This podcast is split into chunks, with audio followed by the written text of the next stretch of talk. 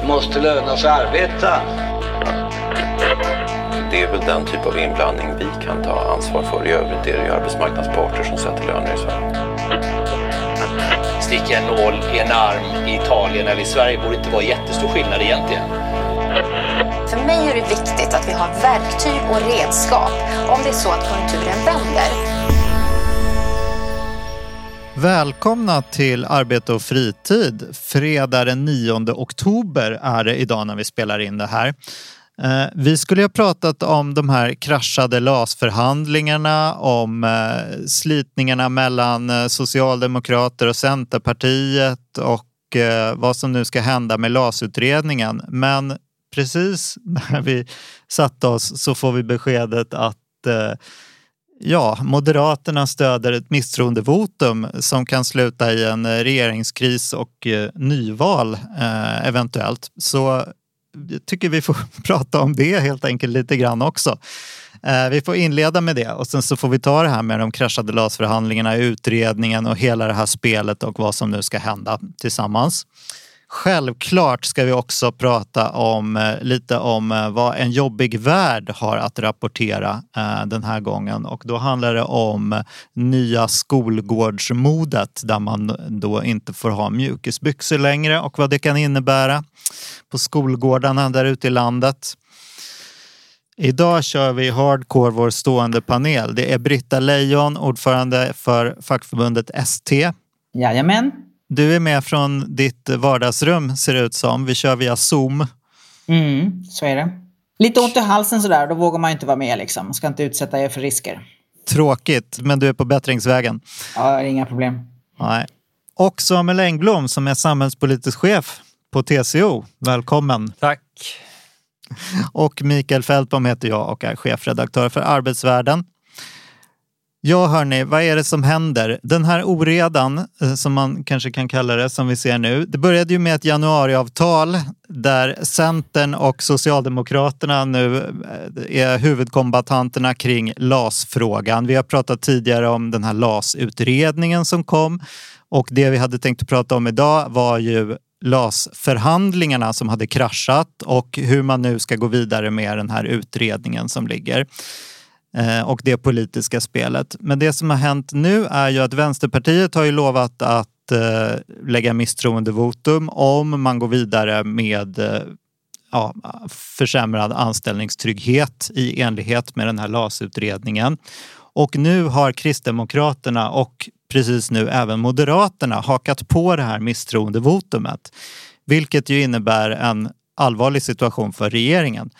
Britta, du får vara vår politiska expert här eh, och berätta vad det är som händer nu enligt din, enligt din Oj, tolkning? ja om jag hade kunde hörru du, för nu händer det ju så mycket slag i slag så att det är alla tänkbara alternativ och vägar framåt eh, känns ju som att de är lite vidöppna. Det är nog svårt att veta vad som kommer hända. Men eh, för det första så har ju då så är ju Kristdemokraterna för små för att själva väcka misstroende.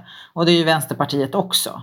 Och vad jag förstod på Vänsterpartiledarens presskonferens där häromdagen, om det var igår, så, så, så ville han ju avvakta om han kunde få nya besked eh, från statsministern i Agenda på söndag.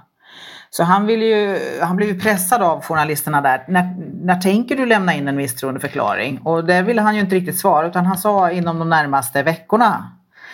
Eh, men att han ville ge regeringen en chans att liksom eh, eh, ändra förutsättningarna och, och, ta bort eh, det här utredningsförslaget. Och han, eh, vi måste också komma ihåg att han inte bara villkorade sitt stöd till den nuvarande regeringen med, med frågan om att inte ändra i LAS utan också om hyresregleringsfrågan. De har ju två frågor från Vänsterpartiet.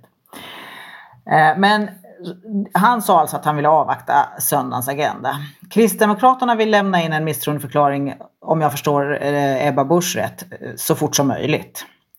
Moderaterna, eh, om man ska lyssna på vad Kristersson säger nu, och han har ju den senaste tiden svängt ganska många gånger i den här frågan, men det han sa idag var ju att om jag tolkar honom rätt, inte att de tänker lämna in en misstroendeförklaring men däremot att de är beredda att eh, rösta bort regeringen om en misstroendeförklaring väcks.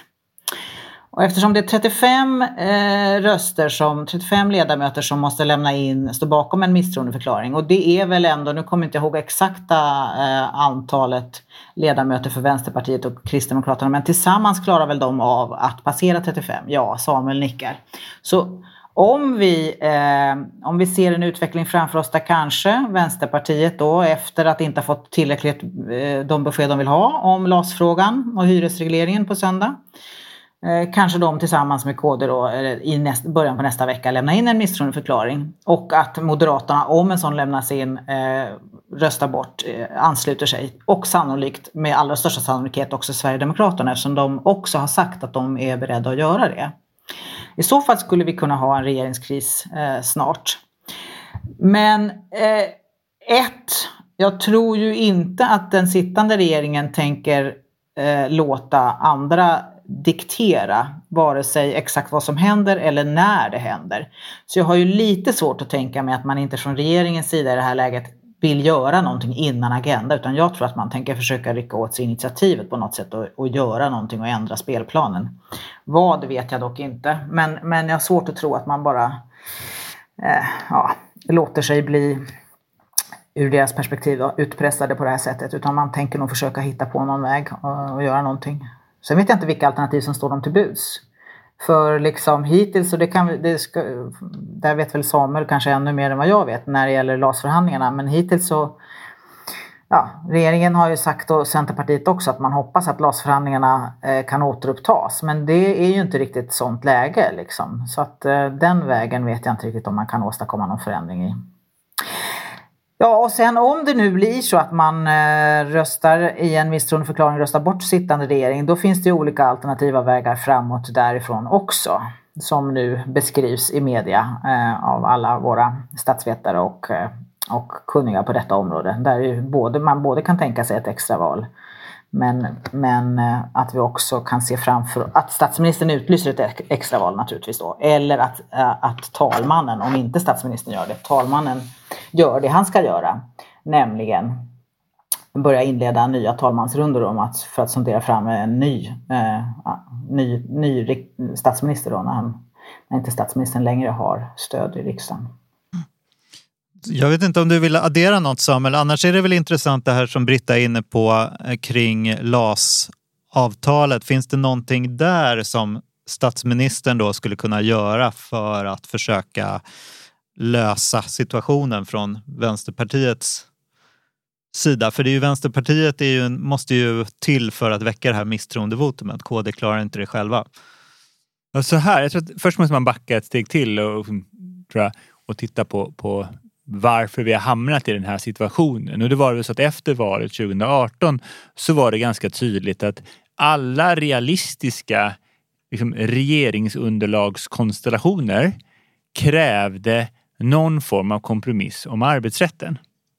Och det var ju inte för att arbetsrätten befinner sig i och anställningsskyddet befinner sig i något liksom omedelbart behov av snabba ändringar. Det liksom finns ingen bakomliggande analys som säger att här har vi ett trängande problem på den svenska arbetsmarknaden som måste lösas eh, för att ekonomin inte ska eh, liksom, eh, gå illa på, på kort eller lång sikt. Så det fanns ju ingen sån analys bakom utan det är ett rent politiskt problem som man då löste genom att skriva in den här eh, skriv, liksom, eh, punkt 20 i januariavtalet. Eh, och som vi dessutom har förstått var ju en punkt som man först man var ganska nära att få ihop eh, eh, ett regeringsunderlag före julen 2018. Men nu var det först efter nyår som det blev och att det var den där frågan som var som någonting som, som man liksom, där man då inte kom överens första gången så kom man överens andra gången. Så det är ju bakgrunden. Det är en liksom extremt politisk bakgrund. Och sen så markerar ju i samband med det så markerar ju då Jonas Sjöstedt att för att Vänsterpartiet skulle släppa fram den här regeringen så, så tänkte man att det här är sånt som man inte accepterar i det här januariavtalet. Så vi, vi har ju hamnat här på grund av rent politiska skäl. Va? Precis, Centerpartiet var redo att eh, lämna förhandlingarna men då fick man in det här om arbetsrätten och det blev det som Centerpartiet liksom fick med sig, den stora chunken som Centern fick med sig. Och samtidigt så har det då pågått eh, både på tjänstemannasidan tidigare, alltså privattjänstemannasidan tidigare förhandlingar om eh, utvecklade omställningsavtal och LO och Svenskt Näringsliv har också haft eh, förhandlingar med, tjänst- om, om fördjupade omställningsavtal. Eh, och, och där vi då, där vi då liksom, de här omställningsavtalen bygger ju på det här lite bytet då mellan att om man ska förenkla det grovt och säga att arbetsgivaren får lite större inflytande över vem som blir uppsagd. De som blir uppsagda får en bättre möjlighet till omställning. Och så har det funnits en önskan om att utveckla det här ytterligare, täcka fler grupper, fler situationer, ska kunna få hjälp med omställning och så. Så det, har ju funnits, det här är någonting, och där pratar man om reella behov på arbetsmarknaden, så man är ganska överens om att de här behoven finns. Och då hamnar vi i en situation efter januariavtalet där politiken lite grann tar de här frågorna som gisslan. Det vill säga att politiken säger här kommer vi dundra in och ändra i, i, i anställningsskyddet eh, om inte parterna kommer överens. Och så fanns det det här partspåret som ju då uppenbarligen var väldigt nära att lyckas. Man förhandlade ju verkligen in det sista. När vi hör vad de här förhandlande parterna säger eh, offentligt så är det ganska tydligt att, att, att det ändå känns som att man har varit ganska bra sämja och sånt. Det är inte så att man har liksom står och kastar eh, offentligt, liksom försöker fördela skulden eller kasta skit på varandra. Det var ju nästan Utan- förvånande att man kunde komma så nära varandra som man kom, kan jag tycka, i och med att jag, jag spådde i vår videopodd att eh, det här skulle inte bli något eftersom jag inte förstod riktigt hur ekvationen skulle gå ihop när man plockade bort saklig grund där från LO, vad man skulle kunna erbjuda arbetsgivarna. Men, men jag var ändå förvånad över att man var så överens att det föll till slut som vi och Arbetet och Dagens Industri, alla har ju rapporterat ganska lika att man var enig om det mesta om omställning, om a-kassa och att det föll sen på det här med turordningsreglerna och hur många undantag man kunde tänka sig för olika grupper. Och då, då är, hamnar vi nu i den här situationen att vi ska, du ska börja tänka vad som vad har hänt det här året? Då? För det är ju då, eh, då har vi då haft, först så kommer, det är, inte, det är ju i mars som vi får corona. Eh, vad händer då? Jo, då, då eh, eh får vi stora, direkt, ganska direkt stora effekter på arbetsmarknaden. Eh, vi hamnar i ett läge och det gör ju att då måste parterna göra, alltså partsorganisationerna måste göra ganska mycket i form av ja, förhandlingar kring varsel och sånt. Sen så blir ju det stora, liksom, regeringens stora medel mot det här, det blir ju eh, korttidsarbete och korttidspermittering. Eh, eh det är också ett väldigt stort partsinslag. Parterna går in, tar stort ansvar, förhandlar tiotusentals kollektivavtal, skjuter upp avtalsrörelsen. Så, va? Eh, Men ser till, ligger, låter de här förhandlingstiderna för omställningsförhandlingarna ligga kvar. Då, eftersom, man, eftersom regeringen, eller liksom politiken har ju sin tidtabell för det här med, med, med, med, att de ska ändra i, i eh, anställningsskyddet eftersom de ska kunna ha sin regering. Eh, eh, eh, så man gör det. Och det är ju liksom en, verkligen att, egentligen en uppoffring från parternas sida. Nu är vi då i ett läge, och det gör ju också att då blir det, det förhandlingsfönstret blir inte hur långt som helst för man måste gå in i, i nya förhandlingar. Det är så kallad opåmånad bland industrins parter som ska sätta märket nu. Så att vi tänker, alltså det här är ju ett, en liksom extremt pressad situation för parterna. Och då hamnar vi plötsligt nu i ett läge där politiken utöver det här börjar med liksom hela det här. Eh, med då, det börjar misstroende eh, liksom, eh, förklaringar, man sätter jättepress på regeringen. Regeringen eh, eh släpper inte på den pressen de har satt på parterna. Alltså det, det, det, det, det här är inte bra. Jag tycker inte att det här är liksom, vi har hamnat i en situation som inte riktigt är värdig ett land som Sverige. Eh, eh, På vilket sätt är den inte värdig ett land som Nej, men Sverige? här, så vi befinner oss i en pandemi, vi har haft en stor nedgång på arbetsmarknaden, vi har en avtalsrörelse som inte är avslutad. Eh, och det här har vi då ett... ett, ett eh, och då så, så, så istället för, för att, för att liksom, till exempel januaripartierna skulle ju i det här läget kunna säga, för de disponerar sitt avtal. Det ska vi komma ihåg. Ibland, så är det så, ibland förs den politiska debatten som att januariavtalet ska bokstavstolkas och ska det liksom så här. Nej, det är de, de här fyra partierna som har kommit överens. De skulle kunna säga, nu har vi en situation med exceptionella omständigheter eh, på grund utav, eh, bland annat på grund utav pandemin. På grund av att arbetsmarknadens parter har stått ett stort ansvar i våras och, nu, och, och, och tar ett stort ansvar nu. Så nu skjuter vi, vi skjuter på detta. Vi förstår att den tidsplanen som vi skrev in i januariavtalet, den är inte realistisk. Så då skjuter vi på det. Det skulle de lätt kunna säga. Och det skulle ge parterna medel att avsluta en, en, en, en löneavtalsrörelse under hösten och sen komma tillbaka med, med de här frågorna. Det Jag skulle ju vara ansvarsfulla. Jag att tycker det göra vore en det här läget. smaklig, eh, en smaklig liksom, eh, åtgärd från januaripartierna. Mm. Skulle Centerpartiet kunna göra det då? Nu har man liksom eh, nästan formulerat det här som att det här är ett handslag mellan Stefan Löfven och Annie Lööf. Det är någon sorts hedersord att man ska göra det här. Kan man ta ett sånt steg tillbaks från Centerns sida? Alltså, vi har ju exceptionella omständigheter. Det är ju det vi måste komma ihåg. Va? Den här coronapandemin är som någonting som vi inte har sett. En helt ny typ av situation. Vi har sett en nedgång på arbetsmarknaden som har varit den, liksom, den kraftigaste som vi någonsin har sett. Eh, nu har vi i och för sig, kan, kan vi då, har vi tur så kommer vi få en ganska snabb uppgång och så igen. Men det är ett väldigt speciellt läge. Och vi, vi ser också att det rör, handlar, en del andra länder tvingas nu införa nya restriktioner. Det kommer också påverka ekonomin. Alltså det finns, det finns ganska många anledningar att det här läget inte sätta för mycket press på parterna och inte heller själva politiskt försätt, försätta sig i ett läge där det här skulle kunna leda till, till eh, regeringskriser och, och extraval. Och det är ju faktiskt så att det är januaripartierna sitter helt på de här nycklarna. Jag tänker också så här. Eh, att eh, Annie Lööf har ju faktiskt själv, eh, ja inte bara Annie Lööf utan även S har väl sagt det, men jag minns särskilt att Annie Lööf har betonat att ja, tidsplan, jag menar att de kan absolut ta längre tid på sig. Det är inte så himla bråttom nu, säger de ju nu, även om det har ju varit otroligt tajt tidplan från början i januariavtalet. Då skulle ju först hela den här historien vara klar till 2021 i god tid innan nästa val. Men sen har de ju skjutit på tidplanen för utredningen, LAS-utredningens genomförande själva i ett första skede. Och nu kommer man och säger här eh, när, när förhandlingarna kraschade här att ja men ta lite mer tid på er. Så att absolut, det tycker jag att de borde, de borde det är liksom den åtgärd som man borde kunna kosta på sig. Eh, för de lär väl inte göra som så. Det kommer de ju inte göra. Kasta utredningen i papperskorgen som ju vi tycker helst att man ska göra. Utan det är klart att, men, men absolut, en annan, helt annan tidplan för att parterna ska ha en realistisk möjlighet att återuppta förhandlingarna senare. Har det här blivit något som har gått från en liksom, eh, honnörsflagga för Centerpartiet till att bli lite jobbigt för partiet själva? Eller? Det känns ju som att många, säga. en del sådana här förslag... Det vore väl inte så kul som Centerpartiet. Alltså, ett, jag tror ju inte att det är så jättemånga partier som vill ha ett extraval.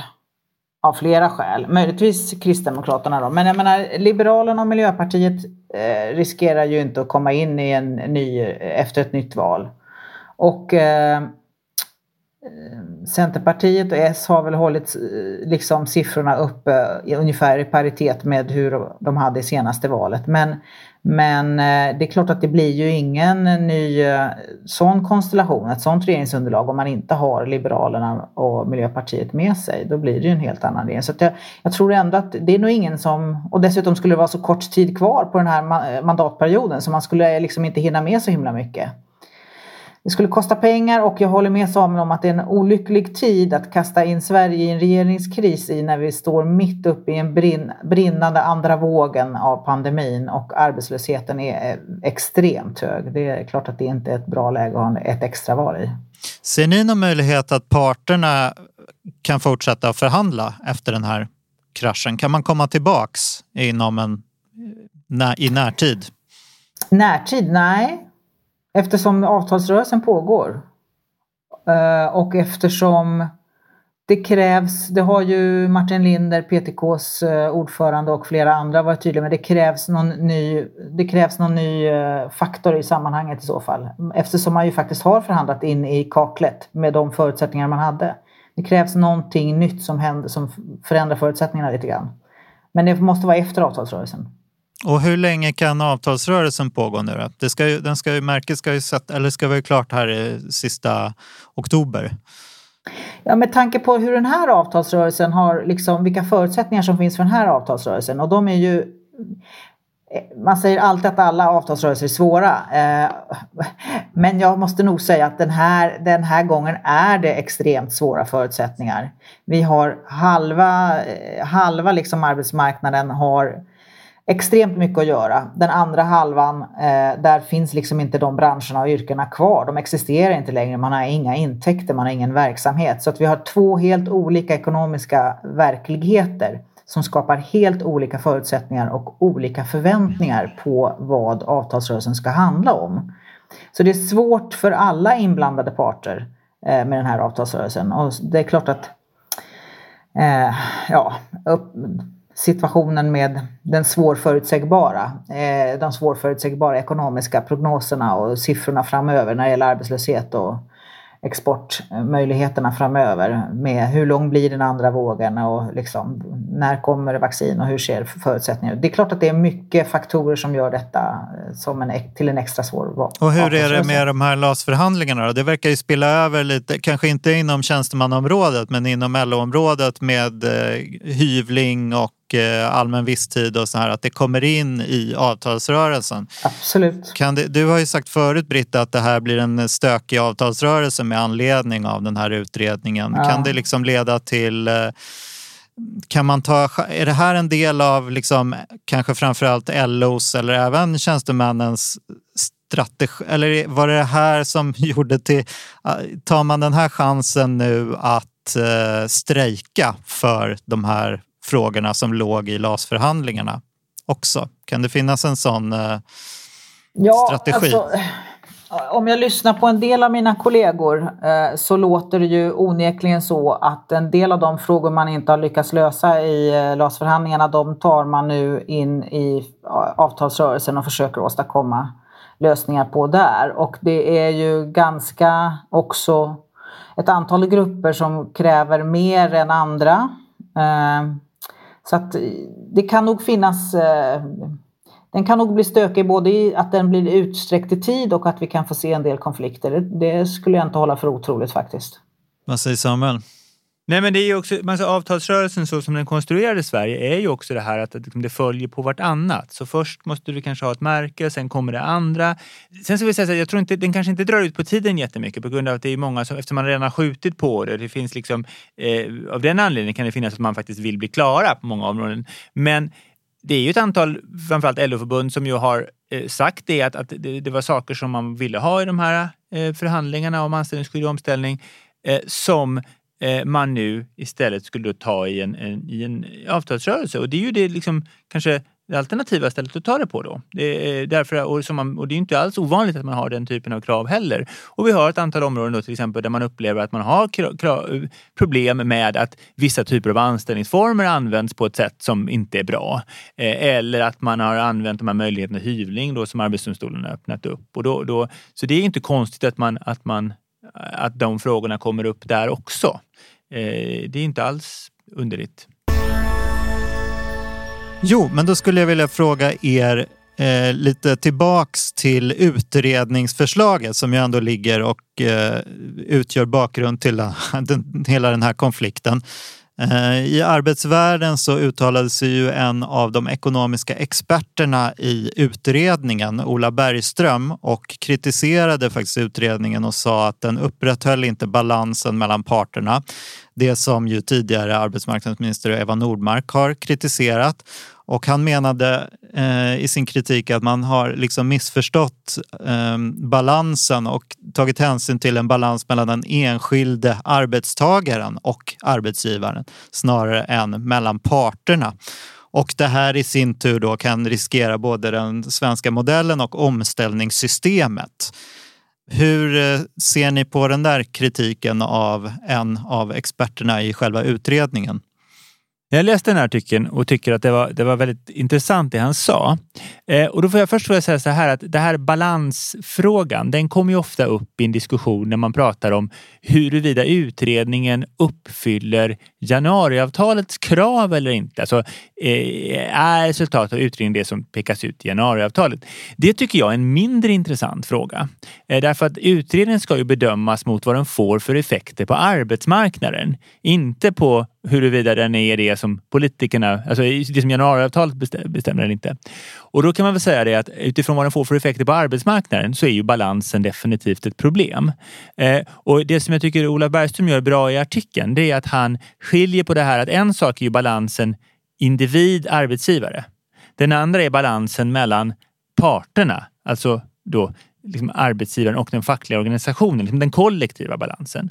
Och då kan man säga så att eh, försämrar du det, det, det liksom individens anställningsskydd så minskar ju det ju individens Eh, mm, liksom, det, det, påverkar balansen mellan arbetsgivaren och individen. Du hamnar i en större grad av beroende mot din arbetsgivare. Liksom, du har svårare att säga nej, svårare att påtala eh, problem med arbetsmiljön. Kanske blir mer skeptisk till engagerade fackligt. Att det finns många saker som kan hända när den balansen förändras. Men det förändrar ju då också balansen mellan den fackliga organisationen och arbetsgivaren. Alltså vad har man eh, för utgångspunkt när man går till förhandlingsbordet? Ja. Och vi vet ju då att till exempel de här omställningsavtalen som är väldigt viktiga för arbetsmarknadens funktionssätt skulle jag säga idag. De bygger just på den här typen av förhandling där arbetsgivaren får då lite lättare, lite liksom mer inflytande över vem som sägs upp. Den som sägs upp får eh, liksom bättre ekonomisk trygghet och, och, hjälp med omställning. Och man kan säga att det, det utredningens förslag är att den förändrar bägge de här sakerna. Sen finns det då delar av förslagen som berör egentligen den kollektiva arbetsrätten, alltså det här möjligheten att, att, att den fackliga organisations möjlighet att kräva att man ska slå samman eh, Eh, eh, turordningskretsar och sådana här saker. Liksom det, eh, det, som ju handlar om den fackliga organisationens rättigheter men som givetvis också påverkar individens, indirekt påverkar individens eh, liksom position. Så jag tycker det, det där, och det är, bägge, det är de där, du måste förstå bägge de där typerna av balans när, om du ska värdera. Och här är det klart att den här utredningen är ju den, den förvrider ganska ensidigt balansen i arbetsgivarens eh, eh, riktning. För att vi, det är en försvagning av anställningsskyddet vid arbetsbristuppsägningar. Det är indirekt en försvagning av anställningsskyddet vid uppsägning av personliga skäl eftersom man då eh, liksom går, man byter huvudregeln att anställningen fortgår under en tvist så att du fortfarande är anställd och fortfarande har rätt till lön till att den in, huvudregeln att du inte gör det, återigen förenklat. Och då är det klart, då får du inte lön och då kanske du blir mer benägen att, att, att, att göra en uppgörelse med din arbetsgivare även om du känner att det finns inte saklig grund för uppsägning. Va? Eh, och det är ju då försvagningar av eh, arbetstagarnas och de fackliga organisationernas position i de här situationerna. Och det enda som liksom ligger i andra vårdskålen, det är då, dels är det då den här en, en form av eh, rätt till vidareutbildning eh, eller till, till, kompetensutveckling men som ändå är ganska så svag. Den är, jag menar, det, är, det är ändå ett steg liksom, i rätt riktning men är tämligen svag. Och sen ett par eh, eh saker som handlar om, om visstidsanställdas möjligheter men det handlar ju framförallt om att kunna då hävda eh, Liksom rätt till eller företräde till eh, eh, eh, en, en, mer säker anställningsform och inget, liksom, ingen, ingen stor materiell förändring. kan man säga det som, det som vi vet då från de här LAS-förhandlingarna, även vi som inte har varit i rummet, det är ju de här rapporterna som arbetsgrupperna publicerade. Och där kan man väl säga att det, där låg det liksom egentligen mer i, i alla vågskålar. Eh, det låg mer för arbetsgivarna därför att där fanns det liksom diskussioner om själva saklig grundbegreppets uttolkning, inte saklig grund som sig utan också saklig grundbegreppets uttolkning. Så. Eh, där låg också andra typer utav sådana här eh, regler kring eh, hur många man får undanta i en arbetsbristuppsägning. Men där, och där låg ju betydligt mer konkreta och handfasta saker och, och liksom, inte bara liksom teoretiska rättigheter utan konkreta möjligheter till Eh, vidareutbildning och kompetensutveckling. Och där låg också mycket mer substantiellt vad gällde att typiskt eh, visstidsanställdas eh, eh liksom, möjliga, alltså, ja, anställningsformer för visstidsanställda och sånt. Så man kan säga att det, det är ju, den förhandlingen är ju liksom mer balanserad men också liksom tyngre. Om man tänker att det är två vågskålar som man har lagt mer. Det är mer balanserat men det ligger mer i dem. Eh, Medan eh, vad utredningen gör, att det, den har liksom lagt eh, ett antal ganska tunga vikter i den ena vågskålen och nästan ingenting i den andra. Och då blir det väldigt obalanserat. Ja, om utredningens förslag skulle bli verklighet så skulle i ett slag anställningstryggheten på stora delar av arbetsmarknaden försvinna och vi som fack skulle inte kunna försvara våra medlemmars rättssäkerhet på arbetsmarknaden. Så vi, den, den här utredningen är ett grundskott mot den svenska modellen, inte bara av de skäl Samuel har redogjort för utan också därför att vad blir existensberättigandet för oss om vi inte kan försvara våra medlemmars intressen? Eh, men jag tänker också att det borde vara så att arbetsgivarorganisationerna borde fundera ett varv till, för det är också ett hot mot dem. Varför ska man som arbetsgivare och företagare vara med i en arbetsgivarorganisation om lagstiftningen på området är som utredningen föreslår. Där har ju i så fall eh, arbetsgivarna väldigt stora möjligheter att eh, göra, eh, att få mycket av de problem som de beskriver idag eh, lösta genom den där eh, utredningens förslag. Och behöver man inte längre förhandla med, med oss för att liksom se till att man har skött sig, utan man kan bestämma själv, för det är i princip det som utredningen föreslår. Då, då förstår jag inte varför man ska vara med i någon arbetsgivarorganisation heller. Så att jag, jag, av många skäl är det här ett grundskott mot den svenska partsmodellen.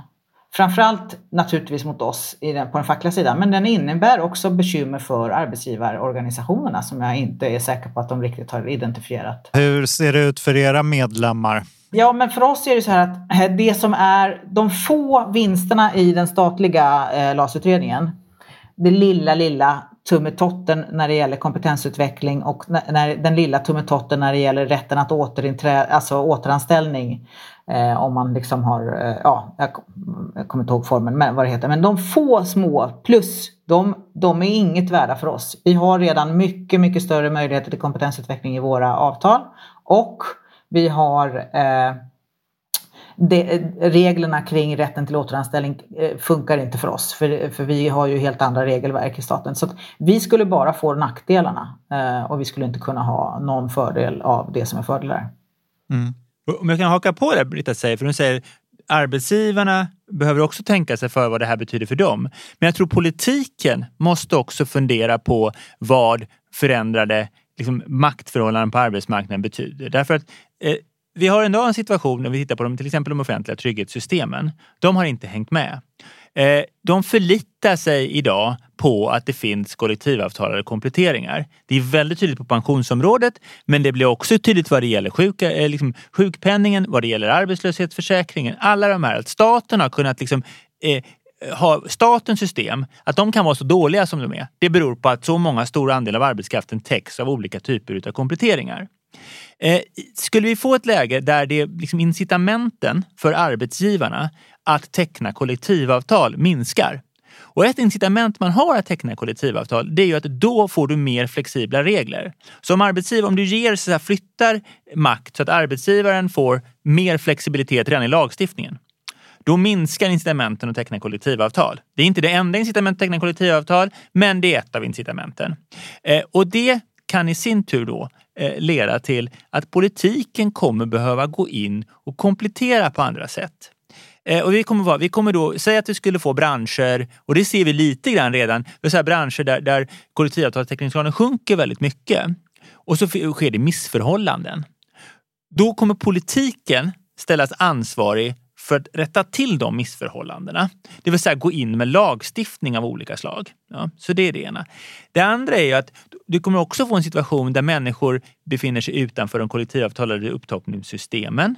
Det kommer ställa större krav på, eh, eh ja, i värsta fall på kommunernas försörjningsstöd i vissa fall, men det kommer också ställa större krav på, på, eh, eh, eh, ja, på a-kassa och sjukpenning och dem. Ett högre tryck att liksom få upp taken i dem kanske eh, kommer på den ställningen. Eh, vi får också kanske fler kommer ha väldigt låga pensioner där det offentliga kanske behöver gå in och komplettera på olika sätt. Så det, det är ett ganska farligt spel som man nu ger sig in på. När man, eh, och delvis, delvis är det ju Eh, jag menar, det kan finnas politiker som är ideologiskt drivna som, inte, som ligger kvar i någon sorts gammal 80-tal, 90-tals liksom, eh, eh, idé om att det är dåligt med fackföreningar. Den som alla liksom, nu ekonomer och sånt tar över eh, och, och, att kollektivavtal inte är bra och vi ska ha en, en, en extremt flexibel arbetsmarknad i det bästa utfallet. Det finns ju de som lever kvar i det där. Sen finns det de som är ideologiskt drivna på olika sätt. Eh, och, och, och, och sen finns det de som, där det här handlar om okunskap. Eh, att man faktiskt inte förstår de här sambanden som man nu håller på att, att, att förstöra. Du är ju inne på just den svenska modellen och det där eh, svårfångade sambandet mellan arbetsmarknadens parter och eh, försäkringssystemen och välfärdsmodellen. Håller vi på att bli ett mer europeiskt land i det här avseendet? Och är, är vi på väg från den svenska modellen? Nu, nu, nu bjuder du in mig till att göra, köra mina, många av mina käpphästar. Det finns inget normalt europeiskt land vad gäller institutioner på arbetsmarknaden. De skiljer sig jättemycket När jag säger åt. normalt europeiskt land, då menar jag... På, Frankrike. Då, då menar jag när man tittar i EU-statistiken, OECD-statistiken, att vi ligger i mitten på alla såna här staplar.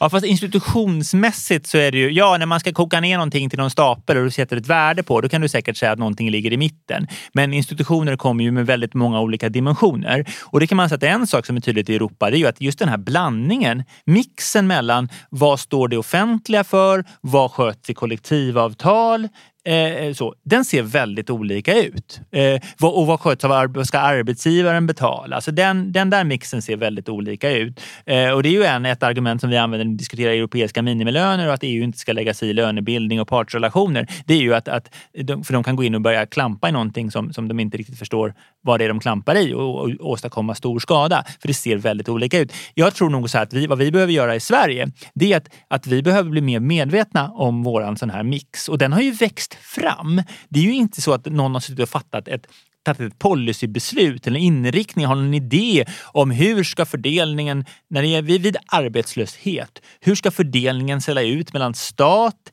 individ och parter? Det är det ingen som har suttit liksom och tänkt ut någon formel för. Det har bara uppstått. Mm. Får jag bara ändå, jag håller med Samuel om att det finns inte en europeisk modell naturligtvis. Men däremot så tror jag ändå att du har en, alltså det ligger i, jag skulle ändå vara benägen att svara ja ändå Mikael på din fråga. Därför att jag tycker mig se, och definitivt om den här utredningens eh, förslag blir verklighet, jag tycker mig se ändå en utveckling där vi går mot att bli mer juridifierade också på arbetsrättens område i Sverige. Eh, och eh, särskilt om, om den här utredningens förslag blir verklighet och om minimilönerna blir verklighet, ja ni vet. Eh, det finns en sån uppenbar risk i alla fall. Och, och där kan man väl säga att där finns det mycket, det är mycket mer av den varan i många europeiska länder än vad, det, liksom, än, än vad vi har, våran modell med, som är uppbyggd på förhandlingar mellan parter. Förhandlingar på både lokal nivå och på nationell nivå. Eh, så att, och jag menar, ja, så där tycker jag nog ändå att jag ser, mig, ser en viss eh, förändring åt det hållet. Mm. Ja, det finns en risk, det är också en, en, risk som vi pekar på med en del av förslagen, att de kan vara tvistedrivande. Att det gör då att istället för att man gör upp lokalt och kommer överens så, så dras saker och ting till sin juridiska spets. Eh, och det är ju ingenting, det är ingenting som man vill ha på arbetsmarknaden därför att det tar längre tid. Det gör också att den där relationen, eh, man vill ju inte att ett problem som skulle kunna lösas eh, Exakt. blir en förgiftad relation och sen blir det en, en rättsprocess och det är dyrt för alla inblandade. En av de stora fördelarna med våran partsbaserade modell det är ju också den enorma eh, flexibiliteten och branschanpassningen som den står för. Det kan aldrig ett, en modell där politiker eller, eller Eh, lagstiftande församlingar bestämmer vare sig löner eller liksom i, i detalj annat eh, ersätta. Vi har ju en enorm styrka eh, med vårat, vårat, våran branschanpassning och flexibilitet när vi har det baserat på förhandlingar mellan parter som kan sin bransch och sin, sitt företag och sin organisation. Och eh, jag tycker du kommer in på en sak här också Britta som en av, en av dina kollegor, eh, Veronica Magnusson, så har jag sett lyft flera gånger den senaste veckan. För då säger en del att, ja men titta här nu, nu, de här förhandlingarna gick ju då inte i lås och vad är det här liksom dödsstöten för partssystemet och så. Och detta är ju ett år när eh, liksom, vårt kollektivavtalssystem och våra relationer på arbetsmarknaden har levererat som aldrig förr. Va? Från Absolut. det som har skett förhandlingar kring eh, hur klarar vi nu, alltså hur klarar vi, hur ser vi till att, att sjukvården fungerar? Eh, de, eh, vi har, många verksamheter har fått ställa om eh, mm. skolan, man ska plötsligt gå över till distansundervisning. Eh, vi har sett att eh, och sen har vi då allt det som har skett med korttidsarbete och korttidspermitteringar. Man har skjutit på en avtalsrörelse. Alltså det, det här är ju ett, Absolut. ett år vi har när vi har slutit extra vad vi övertidsavtal. Vi har gjort massor med justeringar, förändringar under denna vår och sommar för att liksom hantera situationen. Så att jag håller verkligen med. Hörni, härligt. Vi har gått från liksom det politiska spelet till den här samhällsbyggande överblicken och den svenska modellen. För att sammanfatta, ert grundtips vad som händer nu då, det är att man skjuter lite grann på genomförandet av utredningen och drar den ett varv till. Eller? Ska jag uppfatta det så? Att bara skjuta på utredningens... typ, Det, det förändrar ju egentligen inte eh, alltså, de alltså förhållandena för partsförhandlingar. Att bara skjuta på. Det blir inte lättare att återuppta dem efter nej. avtalsrörelsen. Jag skulle säga att det där är väl önsketänkandet från min och Samuels sida kanske, att man skjuter på tidplanen och ger förutsättningar. Men nu tror jag kanske att det börjar bli, det, det, den möjligheten till aktivitet börjar nog rinna ut. Tiden börjar rinna ut i sanden. Därför att nu har vi liksom kommit in på spelplanen av regeringsmakten. Och det är en så stor fråga så att nu, nu liksom, eh, eh, jag tror ju att eh, KD och M och Sverigedemokraterna är så pass intresserade av att göra det här så att, eh, och Vänsterpartiet har nu liksom eh, öppnat Pandoras ask så jag tror att, eh, ja, jag tror att det liksom ibland finns det någon sorts logik i det där spelet om taburetterna som är obönhörlig. Det man, det Jag man, hoppas det, att vi kan få se någonting annat än, än en regeringskris. Men, men det finns ju, och det säger jag inte för att jag inte vill, jag vill naturligtvis att den här utredningen slängs i papperskorgen. Jag vill inte ha de här försämringarna i arbetsrätten, förstå mig rätt. Men jag tycker att jag hoppas på en annan lösning än, än, än en, en regeringskris för att lösa den frågan. Eh, För att eh, det är inte toppen timing att ha en stor regeringskris mitt i en pandemi. Så är det ju naturligtvis. man tycker ju att eh, några av de ledande företrädarna för januaripartierna i det här läget skulle ändå ha fått sig en liten omruskning av olika saker. Eh, dels då det här att parterna inte kommer överens, den, dels det nu spelet som sker i riksdagen. Eh, men kanske också det faktum att man faktiskt precis har lagt en budgetproposition där alla partierna har fått igenom en massa saker som de gillar. Eh, och att man då i det läget tänker så här, eh, här att nu har vi, vi har samarbetat här under ett antal år. Vi har nu en, en, liksom en, en pandemi. Eh, vi har ett, ett annat läge i ekonomin eh, som vi inte riktigt vet vart det är på väg. Så här, nu finns det ju en del som pekar på att vi liksom ändå kommer upp men det finns en osäkerhet i omvärlden.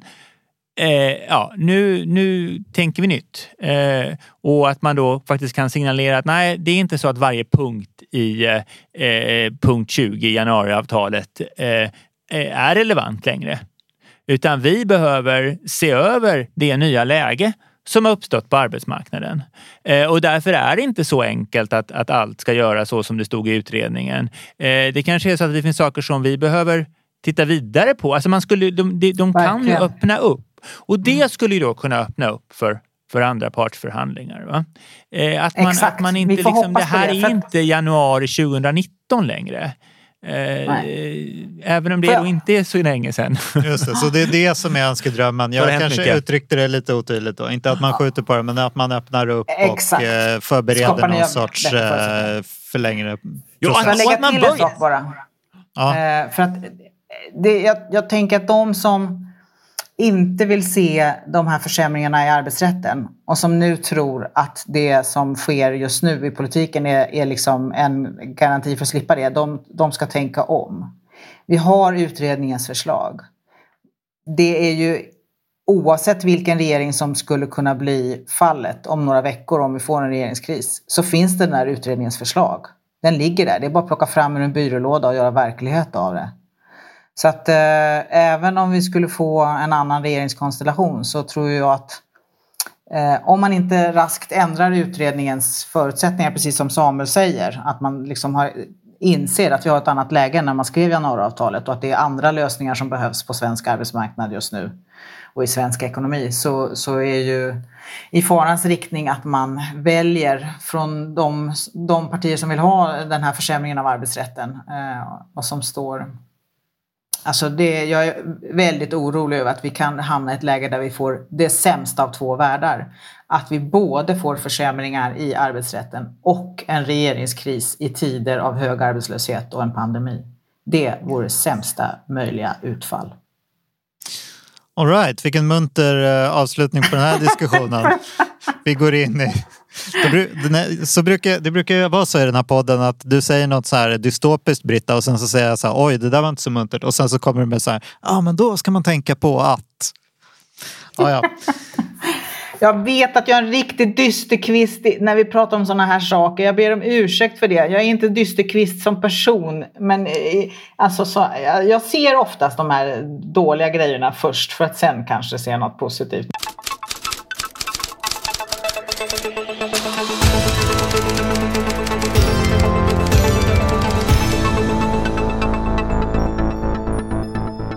Klädkod i skolan ställer högre krav på mobbare.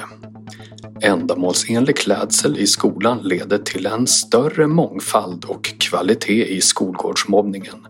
Om det vittnar både mobboffer och mobbare på Jensen grundskola i Göteborg. Jag blir kränkt i första hand för den jag är och inte för hur jag ser ut, säger ett 14-årigt mobboffer som vill vara anonymt.